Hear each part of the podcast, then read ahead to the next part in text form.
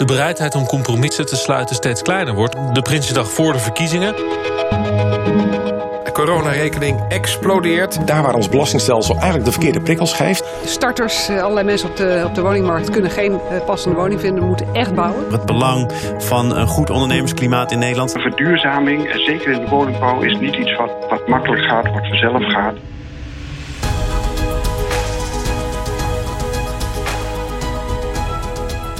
Goeiedag, welkom bij deze BDO-podcast over Prinsjesdag. En dan natuurlijk vooral over de gevolgen van alle aangekondigde maatregelen in deze corona-miljoenennota, zo mogen we het wel noemen. Het zijn moeilijke tijden, maar de boodschap is, er is geld, dus vooralsnog geen echte bezuinigingen. En er lijkt alleen maar geld bij te komen interessant onderwerp om over te gaan spreken. Dat doe ik uiteraard uh, niet alleen. Twee gasten. Carolien van der Woude, uh, partner bij BDO. Jij bent in de, een beetje in een bredere zin uh, ja, altijd in contact met jouw klanten, de ondernemers. De ondernemers. Goed, welkom jij. En Jeroen Kremers, je bent binnen BDO eigenlijk altijd bezig met de publieke sector een sector waar ongetwijfeld ook met grote interesse is gekeken naar al die plannen die zijn uh, aangekondigd. Eerst even een uh, algemene uh, vraag. Hoe hebben jullie Prinsjesdag beleefd? En dat bedoel ik niet van, goh, ze zaten allemaal uit elkaar en wie droeg welke hoed en hoe zag iedereen eruit. Maar je hebt waarschijnlijk wel op een hele andere manier gekeken naar Prinsjesdag dan bij wijze van spreken een jaar geleden. Ja, het was een bijzondere Prinsjesdag. Uh, ook om wat jij net zegt, de coronamaatregelen, of de coronacrisis waar we in zitten, uh, die aparte maatregelen vraagt. En een begroting waarin geld wordt uitgegeven. dus andere maatregelen dan, dan die we de afgelopen jaren hebben gezien. Ja, geldt dat voor jou ook, Jeroen? Want ik weet een beetje hoe het bij jullie gaat. Iedereen rent eh, naar eh, de printers, dan wordt alles uitgeprint. Er wordt gezocht, er wordt gekeken. Keek je dit jaar op een andere manier naar wat er allemaal geschreven werd dan... Uh, nou, dan, het pak dan... papier wat dit jaar uit de printer kwam was uitermate dik, kan ik je wel vertellen. Meer dan andere jaren. Ehm, als je kijkt naar de inhoud, valt met name op dat die gedomineerd wordt door de korte termijn. Hè. Dus enerzijds vanwege de coronacrisis, anderzijds ook weer van de, voor de verkiezingen die eraan staan te komen. Uh, dus er wordt inderdaad de portemonnee getrokken. Daar gaan we denk ik zo meteen nog uitgebreid over hebben. Uh, maar die portemonnee wordt met name getrokken voor de korte termijn. Het lijkt een beetje alsof er uh, ja, de grote verbanddoos tevoorschijn is getoverd. Klopt, ja. Zo zien wij dat ook. En dat ja. het vooral gaat om het plakken van nou ja, pleisters. De ondernemer moet liquiditeit behouden. Daar zie je dat de maatregelen die al waren aangekondigd worden versterkt. En uh, er wordt natuurlijk gestimuleerd met investeringen. Of dat ondernemers investeringen gaan doen om weer uit de crisis te komen. Is het zo dat jouw uh, uh, klanten, zeg maar, de, de ondernemers, in de meest brede zin van het woord, hoe kijken die nou naar gisteren? Wat willen die dan vooral weten? Nou, dat wisselt natuurlijk wel per ondernemer. Um, als je een ZZP'er bent, dan zijn de maatregelen natuurlijk wat minder. omdat de, de kortingen in de inkomstenbelasting worden verminderd. Maar de grote bedrijven die willen investeren, die zien er nu een extra stimulans. Dus die zullen daar weer mogelijkheden zien om uit deze crisis te komen. En dat geldt ook voor de, de publieke sector, de gemeenten?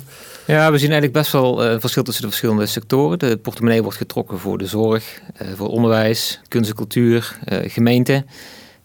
maar woningcorporaties komen er dit keer wat minder van af. Ehm, het lijkt er zelfs op dat hun positie nog iets verslechtert ten opzichte van hoe het al was. Dus dat is een beetje een divers beeld als je kijkt naar de publieke sector. Als je uh, de analyses die we over ons heen krijgen de afgelopen tijd, sinds Prinsjesdag, uh, dan is het ook wel weer een beetje voorspelbaar. Uh, je moet toch ook kritiek hebben en dan kom je uit op er worden te weinig woningen gebouwd of de plannen zijn te veel korte termijn. Zeggen jullie dan van ja, dat is het logische spel dat gespeeld wordt? Of zit daar ook wel vanuit jullie vakgebied wel een kern van waarheid in? Het korte termijn denken. Wat er ja, we hadden die verwachting wel de, deze Prinsjesdag. Hè. Dus met name ook omdat de verkiezingen eraan zitten te komen. Dus in zekere zin zou je kunnen zeggen van uh, dus warm lopen, warm draaien voor de verkiezingen. Dat zullen we dan nog wel ook wel merken vanuit de reacties vanuit de oppositiepartijen. Um, ja, uiteindelijk gaat het er wel om dat er keer structurele oplossingen uh, komen voor de maatschappelijke opgaven die er liggen. Kijk naar het sociaal domein, waar nog steeds niet echt de duidelijke keuze worden gemaakt voor de lange termijn. Uh, er is wel een nationale omgevingsvisie gepresenteerd, die nog redelijk op hoofdlijnen ingaat over onze woningmarktproblematiek. Die moet wel een keer geconcretiseerd gaan worden. En dat blijft nu weer een jaartje liggen. Dus we zitten weer een jaartje in. Uh, ja, soort stilstand zou je kunnen zeggen, waar de labmiddelen er wel zijn, maar de structurele oplossingen nog steeds niet aanwezig zijn. Uiteraard wordt ervoor gekozen en er worden gewoon ook aan fiscale knoppen gedraaid. En er wordt gekeken, nou, wat komt eruit en wat kunnen we waarmaken en waar krijgen we het minste oppositie uh, tegen. Ja, en uh, wat je nu natuurlijk ook ziet, is die ondernemers die zijn zo van belang. Als ik dan even de, scheiding tussen de markten weer naar voren haal, voor die economie, voor werkgelegenheid, dat er nu dat die korte termijn ook wel uh, reëel is om daar de stappen echt te zetten. Um, maar wat Jeroen ook zegt voor uh, de maatregelen op de lange termijn, ja, dat zijn wijzigingen die we eigenlijk wel zouden willen zien, maar ook door die verandering van kabinet de komende periode, dat zijn maatregelen die veel meer uh, impact zullen hebben. Laten we even een, een aantal van die maatregelen doornemen. dan denk ik eerst even aan maatregelen waar ondernemers vooral ja. mee te maken krijgen. Wat, wat staat er wat jou betreft nu bovenaan? Nou, wat je ziet, je ziet nog een stukje maatregelen zoals de coronareserve om de liquiditeitspositie nu te verbeteren. Uh, dat zijn maatregelen die al zijn aangekondigd, die, die eerder zijn aangekondigd en nu in de wet worden opgenomen. En daarnaast zie je dat er uh, voor de ondernemers voor de toekomst wijzigingen worden aangekondigd voor een lager tarief. Met name dan ook in de VPB, waarbij de ondernemers in Nederland juist gestimuleerd worden. En daar heb je natuurlijk veel discussie de afgelopen periode gehad. halen we de multinationals naar Nederland of vinden we het Nederlandse bedrijfsleven belangrijk?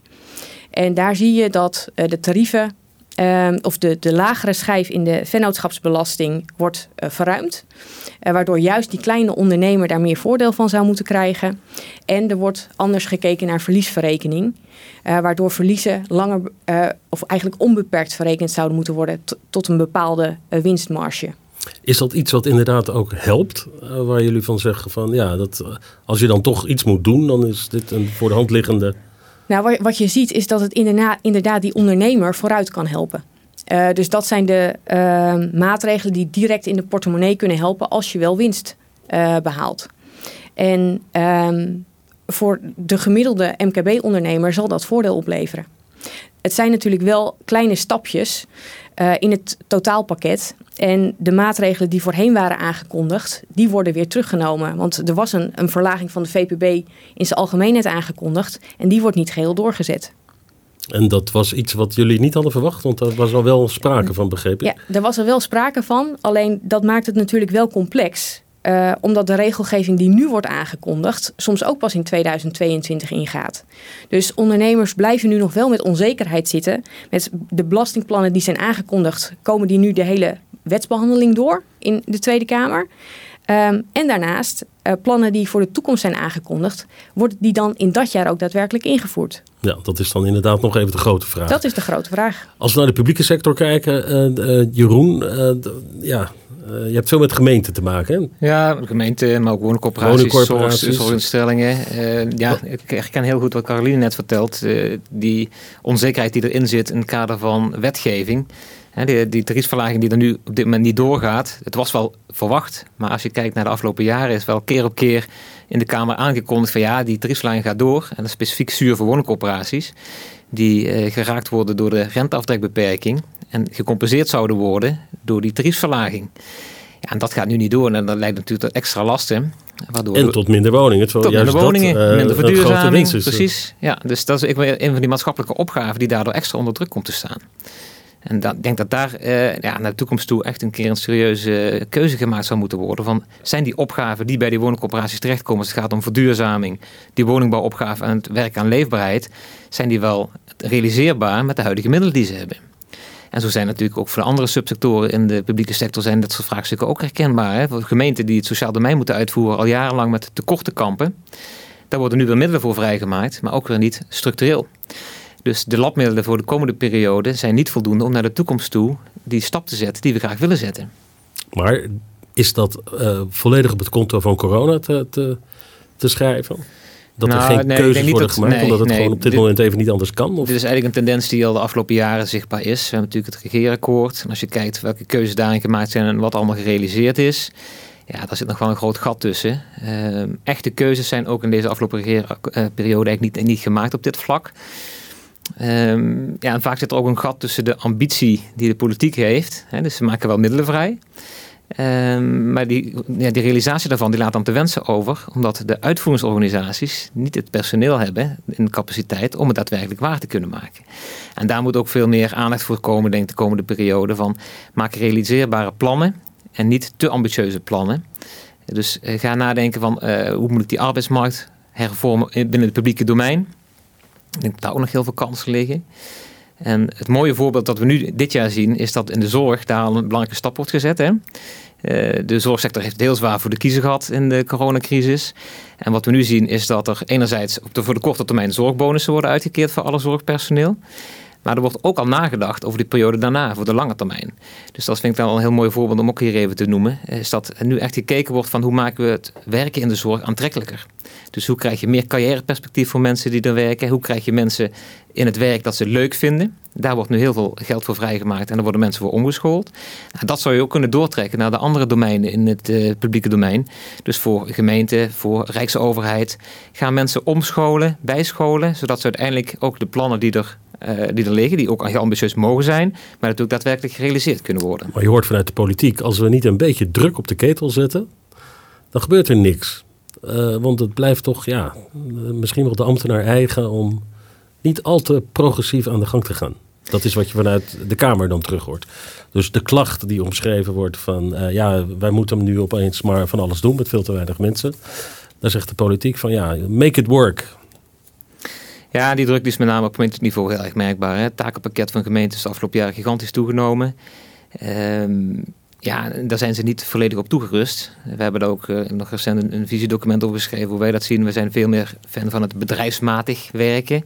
Een andere manier van kijken naar hoe je een uh, gemeentelijke organisatie uh, laat werken. En veel meer zoals een, ondernemer gewend is om te werken. Met een heel duidelijke begroting en een checks en balances. Om te kijken of je dat ook werkelijk realiseert. Nou, dat is nog allemaal toekomstmuziek.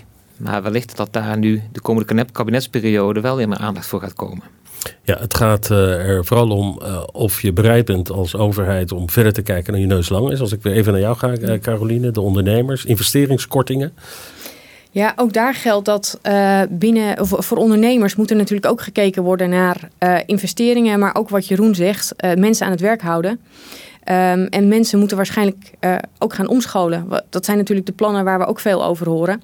En um, naast het Wopke Wiebesfonds dat al is aangekondigd, waar ook nog veel onduidelijk over is, uh, is nu ook de baangerelateerde investeringskorting aangekondigd.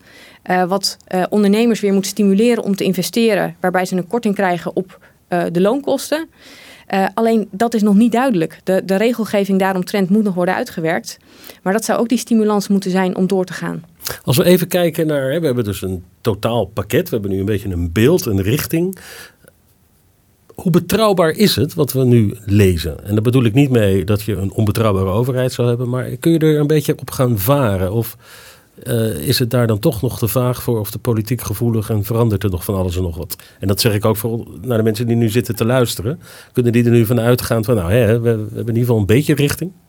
Nou, ik denk het belangrijk is dat je altijd je eigen koers probeert te varen. En, zeker niet uh, moet leunen op wat er nu allemaal al geroepen wordt over de toekomstige maatregelen. Want die zijn gewoon te onzeker. Uh, dus het vergt heel veel scenario planning, uh, zeker op fiscaal gebied. Van schat in waar het naartoe gaat, rekening houden met bepaalde bandbreedtes. En bepaal je eigen koers daarbinnen. En inderdaad, die wetgeving kan nog steeds veranderen. Dat, dat hebben we nu alweer gezien.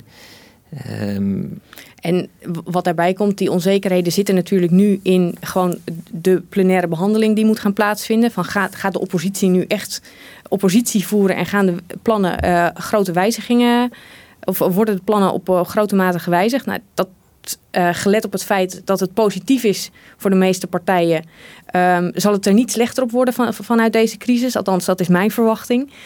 Um, Alleen daarnaast krijg je natuurlijk, uh, dit zijn de korte termijn maatregelen. En die lange termijn maatregelen, die blijven nou, nog redelijk onduidelijk. Dus in die zin is de overheid dan misschien wel betrouwbaar op dat stu stuk. Alleen het is nog niet zeker. Maar als we even dan uh, naar de, de, de, metafoor van een patiënt gebruiken. Hè. We hebben het gehad over die verbanddoos die uit ja. de kast is gehaald. Er zijn verbandjes gelegd, pleisters geplakt. het bloeden is gestopt in eerste instantie. En maar, maar nu? Uiteindelijk moeten we een keer toch echt naar die wond toe.